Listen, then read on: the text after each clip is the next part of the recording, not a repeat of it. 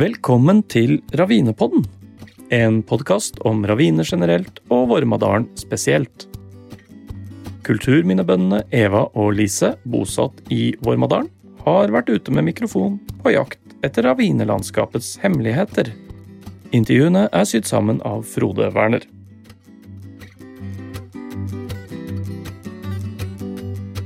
Vi bor i et landskap som er unikt i verdenssammenheng, godt gjemt og nesten glemt. Med podkasten ønsker vi å gjøre denne kulturhistoriske perlen bedre kjent. Nettopp den kontrasten. altså Er du på fjellet, så har du Du ser hvor stor verden er, og det åpner seg, og det blir det, det, det vide perspektivet. Mens her blir du nettopp Det blir nærere, og det blir litt mer sånn Kanskje også livet kommer nærmere inn på deg. Den du hørte her, var Brigitte Stoltmann. Hun har laget kunst av ravinene i Vormadalen. Episode ti handler om myter, mystikk, ravn og raviner. Er det noe spesielt ved det gamle, bortgjemte kulturlandskapet som stimulerer sansene våre? lurer vi på. Eva og Lise tar med seg kunstneren og kunsthistorikeren ut i ei ravine for å filosofere litt rundt det. Vi får også høre koordinatoren for Den kulturelle skolesekken i Nes. Hun forteller hvordan Nes kommune har funnet en kreativ måte å få skoleelever til å se og sanse bygdas særegne ravinelandskap. Men først skal vi bli med Nina Alida Nordbø på skogbading i ei ravine. Hun er utdanna innafor shinrin-yoku, et fenomen som kommer fra Japan. Jo, jeg er Nina Alida Nordbø. Jeg bor i Østmarka. Jeg flytta ut av byen for å være nærmere skogen. Og det har jeg ikke angra ett sekund på. Og jo mer jeg er ute i skogen, jo mer har jeg lyst til å være ute i skogen. Så ute er òg hjemme. Sånn kjennes det for meg. Så det har gjort at jeg eh, gradvis har begynt å ta med folk ut i skogen. Jeg har hatt uh, venner på besøk, og så har jeg gjestehus, og da får gjestene være med ut. Og nå har det blitt en lidenskap for meg, eller en hjertesak, kanskje jeg skal si. Og så få ta folk med ut i natur, for jeg ser hva det gjør med dem.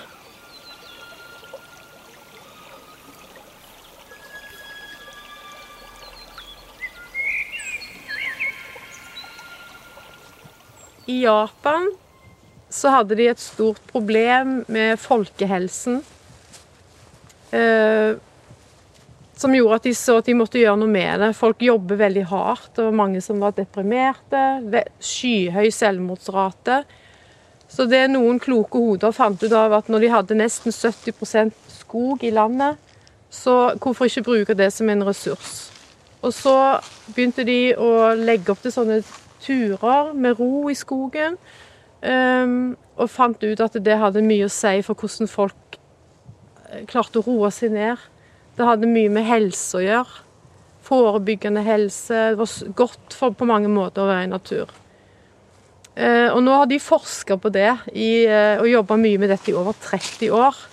Så det er mye vi vet om dette nå, som handler om at trær skiller ut stoffer pytonsider som vi puster inn når vi går.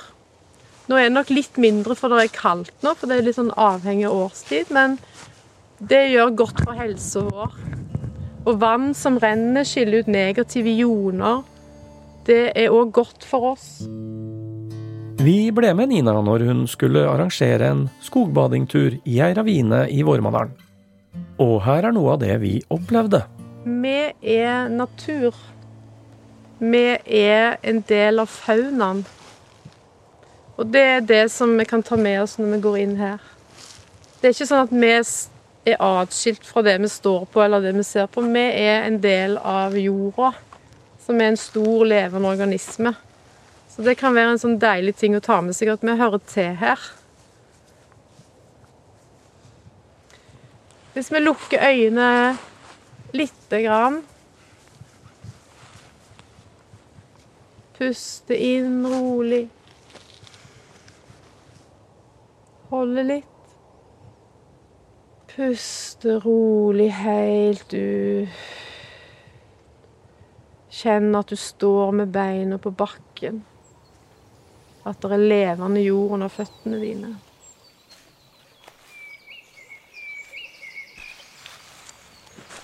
Nå skal dere få en ny invitasjon. Hvis dere har lyst, så kan dere gå bare litt unna, sånn at dere har litt plass rundt dere sjøl. Eh, se om det er noe som fanger oppmerksomheten deres. Det kan være en liten ting, eller et tre, eller bekken. Og når noe fanger oppmerksomheten deres, så bare stopp opp. Og vær der litt og studere. Og ta på gjerne.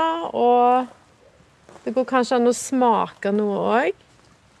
Og bare bli der lite grann.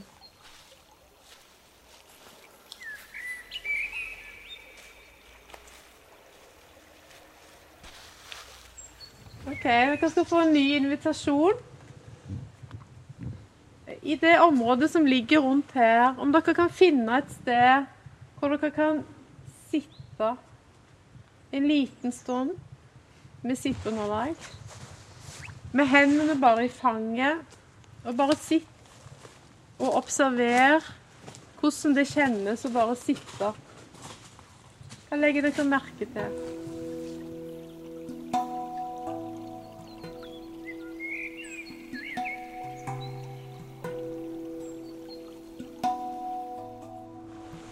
Så helt til slutt Jeg har lyst til å dele et dikt av Inger Hagerup som takk til dere som var med. Steinen.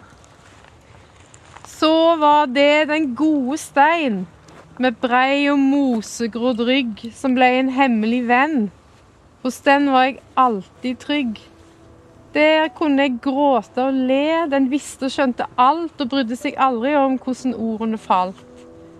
Urokkelige, stor og stum, den samme i sol og regn. Hvor godt jeg begriper de som gjorde seg guder av stein.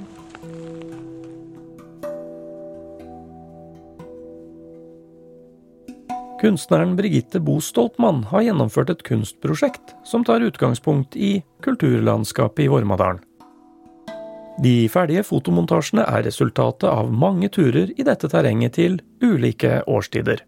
Derfor tok vi med kunstneren sammen med samboer og kunsthistoriker Anni Fremmelid ut i Ravina for å fundere over hva et slikt landskap gjør med både sjel og sanser. Her er Anni og Birgitte på sitt underlag i bunnen av ei ravine. Du blir liksom sittende sånn nedi. Det er det ikke så ofte du gjør. Som regel så skal vi jo opp på topper og opp på høyder, og ravinene sender deg liksom ned i noe. Og så må du sitte og se opp. Hva tenker du, Gitte? Ja, når du går på toppene, så får du oversikt. Det er jo derfor du løper oppover. Det er jo det som er motivasjonen. Å komme ut av skogen og krattskog og Ikke sant. Du, du skal opp og få oversikt over verden og andre fjell og Altså, det Ja. det er veldig motiverende, det der. Mens uh, dette her forekommer meg mer sånn at uh, nettopp du sitter nedi. Og så får du litt den der uh, følelsen som Platon hadde. Å sitte i en hule. Og så er lyset der oppe. Men er det en slags sånn Er det klaustrofobisk? Er det, er det, er det ubehagelig å sitte her nede? Jeg tror jeg hadde følt det litt rart hvis jeg hadde vært her alene. Jeg hadde aldri valgt å sitte her alene, for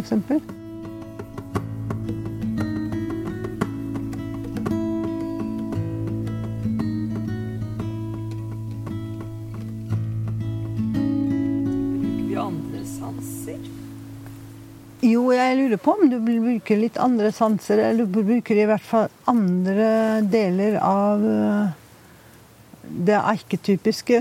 Tror, sånn, det er litt den der følelsen at her eh, går småfolket Det er en eller annen som kan titte frem her, og blir det riktig mørkt her, så er det helt sikkert noen som, eh, som lever her. Som, som, som ikke er- viser seg til vanlig. Så det, det kjenner jeg. Altså, er derfor jeg kunne ikke vært her alene.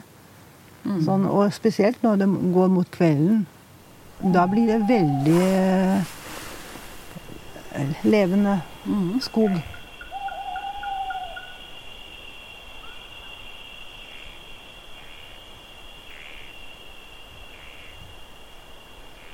Så er det noen slags veldig livgivende med alt det grønne her, da, sånn som det er nå på denne tiden av året.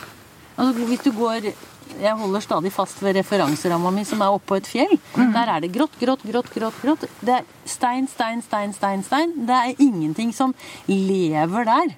Mens her lever det alle steder. Så det blir jo litt sånn som du fornemmer at her, her yrer og kryper det alle steder. Innunder steiner og stubber og Så blir det uoversiktlig. Altså, det er, når du er på fjellet, så får du oversikt over store deler. Her vet du ikke hva skjer bak neste hjørne. Altså, det, er, det er bak neste busken eller treet. Det er, her er det masse. Og nettopp Nei, ikke nødvendigvis rotete, men det er ukontrollerbar. Så Men, men er det ikke er det, er det en forskjell på altså Når du står der oppe på toppen og ser utover, så kan du jo hele tiden oppdage nye ting. Kan du det her nede, eller, eller blir det litt mer sånn innest... Altså blir det litt fordi det er mer begrenset område, fordi det er daler opp på alle kanter? Gjør det noe med dere, eller hva, hvordan opplever dere det?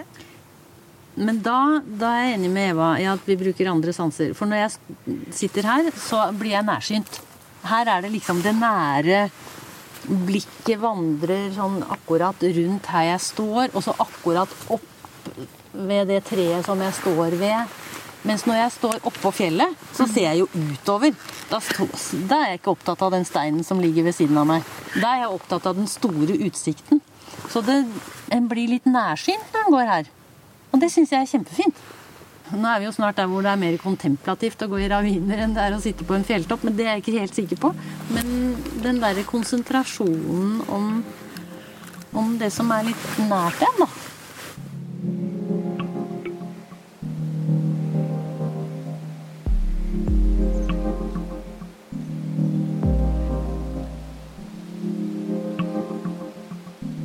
Her er det så mye som er forgjengelig, og det, er jo, det settes i, i, akkurat i den relasjonen da. Det er et kjempegodt Så. poeng. Her, dette her er forgjengeligheten visualisert, altså. Nei, det er det, er det organiske. ikke sant? Ja. Altså det er eh, Når noe velter, så kom, kommer det andre etter. Altså det Det lever av døden, av døde stammer. Det lever av eh, Ja, ikke sant. Så det, det er litt sånn jungelaktig.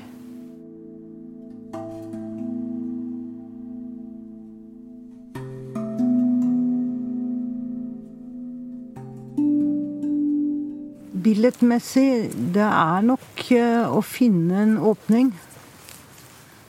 Altså, jeg tror hvis jeg hadde villet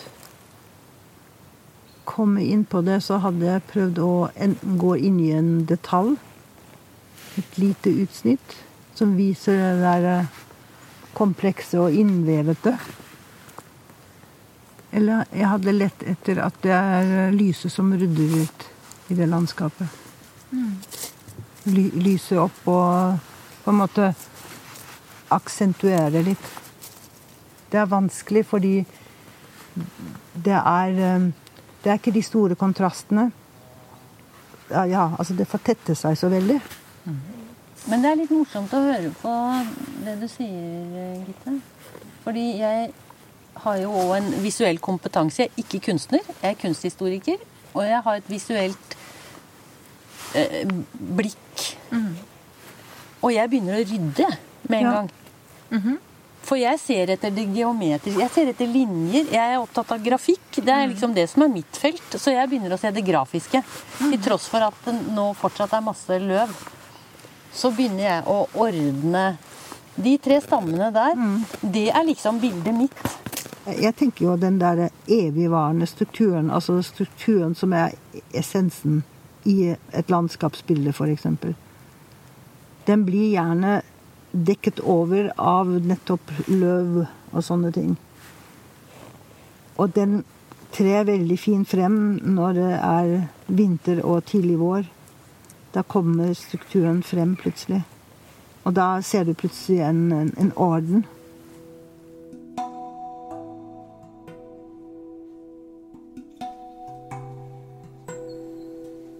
Brigitte snakker om det mytiske du kan føle nede i ravinedalene.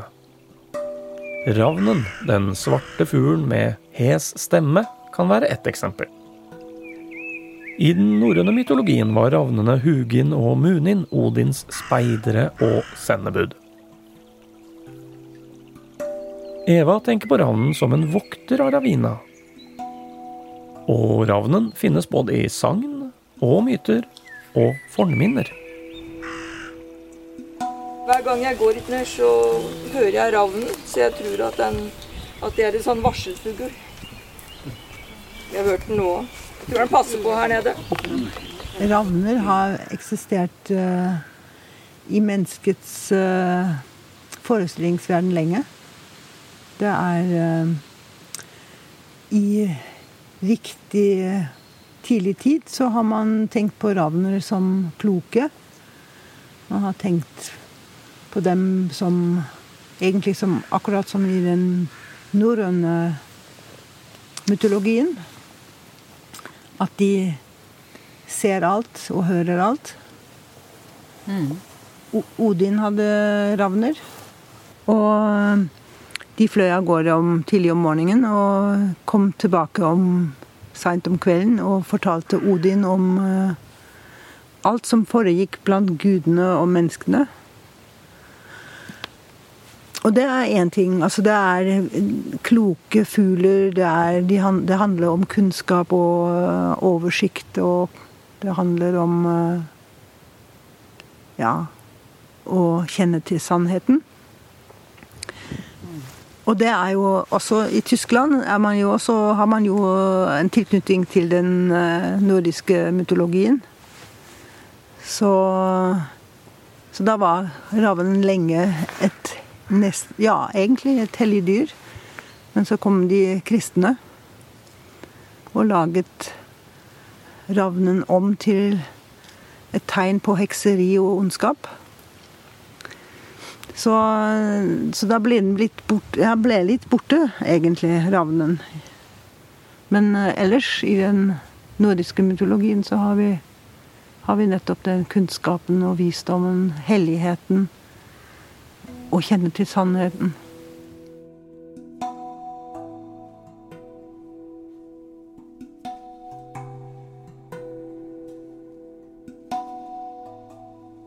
Det er ingen tvil om at ravn som symbol og metafor går langt tilbake i tid. Og det kunne Rune Høiby, damvokter og hobbyarkeolog, også skrive under på. Han fortalte om et spesielt funn i Vormadalen, ei brosje med ravn som motiv. ja, ja, det var jo på Holtre. Så fant jeg jo en eh, fugl i bronse. En 10-12 cm lang, da. Og jeg skjønte jo det at det var et uh, veldig spesielt funn. Så jeg ringte Oldsakssamlinga mens jeg sto med funnet i, uh, i fingeren, og jeg fikk beskjed om å bare pakke det inn i blaut serviett, ikke røre det. Uh, for det var ei fuglespenne. Uh, og dekoren på den spenna jeg fant på Holder, den var unik, for den var helt ukjent. Av de aldri sett før. Men poenget med den spenna, de er jo ifra, fra folkevandringstida og sånt, og, og de har en forbløffende likhet med ravn. For det er jo funnet inn uh, andre typer av den jeg fant, som er nesten helt identisk med en ravn som snur seg i lufta og legger seg på ryggen, da, og som du ser ryggen på når du ser opp. Og da har han lagt venga innåt kroppen. Og da får han et eh, sånt spesielt Og det tyder på at eh, de fuglespennene, han som begynte å produsere, de har hatt ravn som forbilde. For ravnen, det var jo et sånn guddommelig vesen vært i all tid. Så det var litt artig, ja. Fra fornminner skal vi nå tilbake igjen til urlandskapet. Blandingen av elvelandskap, kulturlandskap og urlandskap, som Brigitte har tolket i kunstprosjektet Ravinelandskap i Vormadalen. Våren 2020 ble jeg invitert av kulturminnebøndene i Nes til et kunstprosjekt som skulle ta utgangspunkt i det særegne kulturlandskapet i Vormadalen, som er naturlig gjemt og delvis glemt. Nede i ravinene styrer naturen seg selv. Moset vokser over stein og fallende trær. Det er mørkt der nede i dypet. Vi ser lyset over oss filtret gjennom grener og løv. Det er uveisomt og ekstremt sanselig, det er fuktig og mykt, det er vått. Menneskelig ordenssans finner vi ikke der nede i ravinedalene, men derimot dionysiske tilstander. Der kan vi ane ekstatiske kaoskrefter. Og Odins blå-svarte ravner vokter over stedet, og med skrik som varsler inntrengere.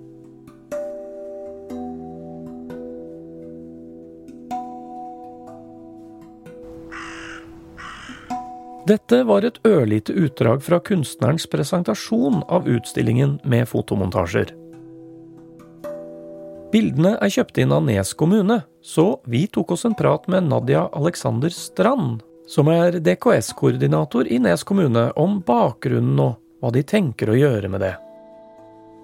Altså, det var jo han kulturminnekonsulenten Kristoffer Andersen som uh, brakte dette på banen. Så var vi på utstillingen sammen, og Grete Sjøli var vel med også på, da vi besøkte dere på Husegård.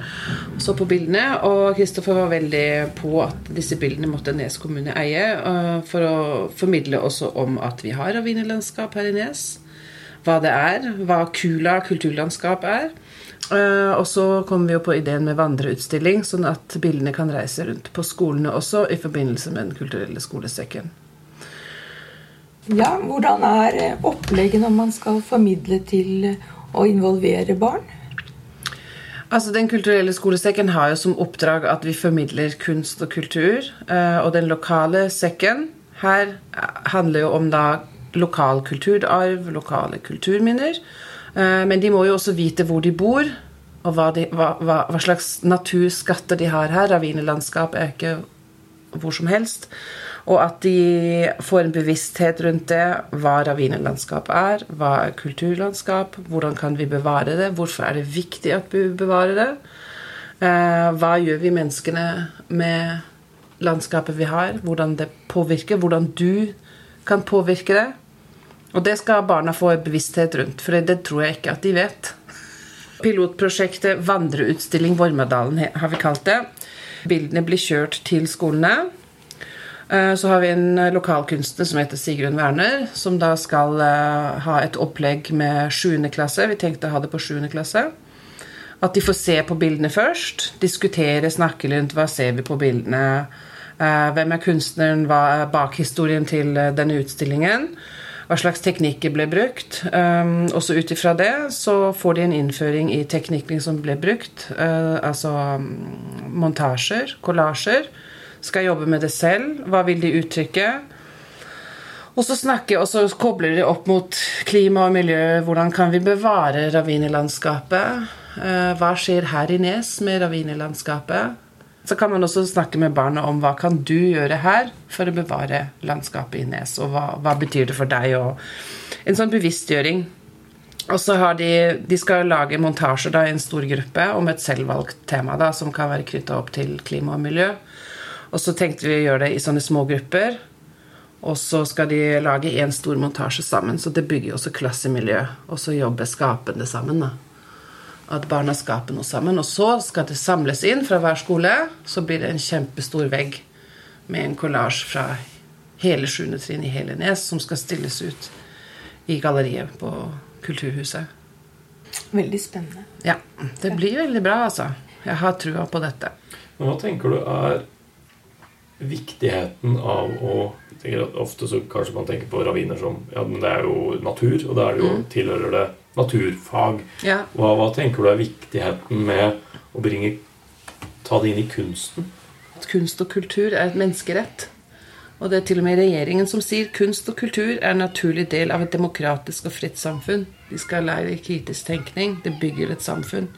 Kultur er jo en viktig byggestein i vårt lokalsamfunn, eller samfunnet generelt. Og Derfor er det viktig at de ser kunst, og at de får det servert på døra i skolen. Tenker jeg. Eh, Sjuende trinn har som mål i kunst og håndverk å utforske og reflektere over hvordan følelser og meninger vises i kunst, og bruke symbolikk og farge til å uttrykke følelser og mening i egne arbeider. Og det er jo noe som vi vil oppnå med det.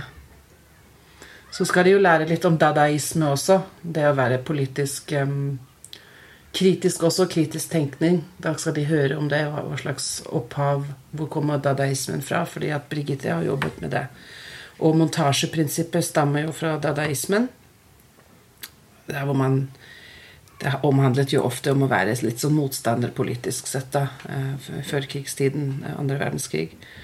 Eh, Så det var spennende å høre om. Og det skal de i 7. trinn også få høre om, hva dadaisme er, og historien til montasjearbeidet som de skal jobbe med. Altså Bindelet, det er jo bildene til Brigitte Birgitte. Det er det som, Man kunne hatt et eget opplegg bare i naturfag uten bildene også. Men jeg tenker hvis du starter med bildene, så har du et bra utgangspunkt. Så har de jobbet noe selv med det. Montasje, kritisk tenkning, bevisstgjøring over hva vi har av naturskatter, og dyreliv og natur og mangfoldet rundt det. Um, så jeg tenker i en perfekt verden så hadde jo da kunst- og håndverkslæreren jobbet sammen med naturfaglæreren etter hvert. Er det noe kunsten kan uh, tilføre til ravinen som naturfaglæreren ikke kan? Absolutt. Det er en helt annen dimensjon, er det ikke? Fordi de, Hvis du tenker at ok, la oss reise ut til ravinen og se på det selv med egne øyne, ikke sant? men med den kunsten så skaper de jo noe selv, da, også disse kollasjene. Og um, hvordan De hører også hvordan Brigitte har lagd det ved å ta bilder, altså se på. Så bygger det oppå hverandre i mange, mange forskjellige nivåer. Så det er jo um, Det er en mer praktisk uh, kjenne på formidling hvis du gjør det i kunstfaget, da, på den måten med, med vandreutstillingen, enn hvis du reiser ut og ser på og hører informasjon om hva du ser. Mm. De kommer til å høre av Sigrun hva de ser først, og så diskuterer rundt, men så lager de selv sin egen montasje. Hvilket tema det blir, vet jeg ikke, men vi har jo lyst til å vinkle det mot klima og miljø, bevare naturen. Hva kan jeg gjøre med søppel, og hva kan jeg gjøre som menneske for å bevare Beskytte naturen og dyrelivet. Mangfoldet der.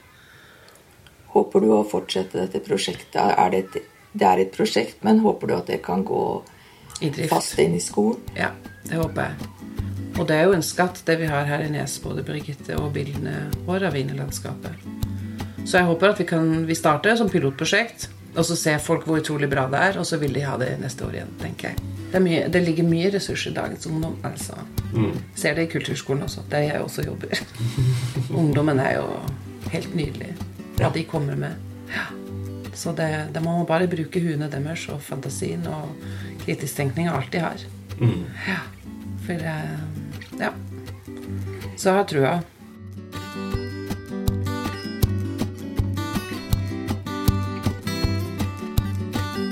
Det er mye godt i ungdommen, ja. To barneskoler i Nes har allerede blitt inspirert til å ta ravinelandskapet i bruk. Ta gjerne og gå inn på ravinepodden.no for å lese kommentarer fra Oddrun Claesson på Østgård skole og Katrine Muru Heiberg på Fenstad skole. I neste episode skal vi gå nærmere inn på denne kula som vi har nevnt i ulike episoder. Altså Riksantikvarens register over kulturhistoriske landskap av nasjonal interesse. Så følg med! Du har lytta til Ravinepodden, en podkast om raviner generelt og Vormadalen spesielt.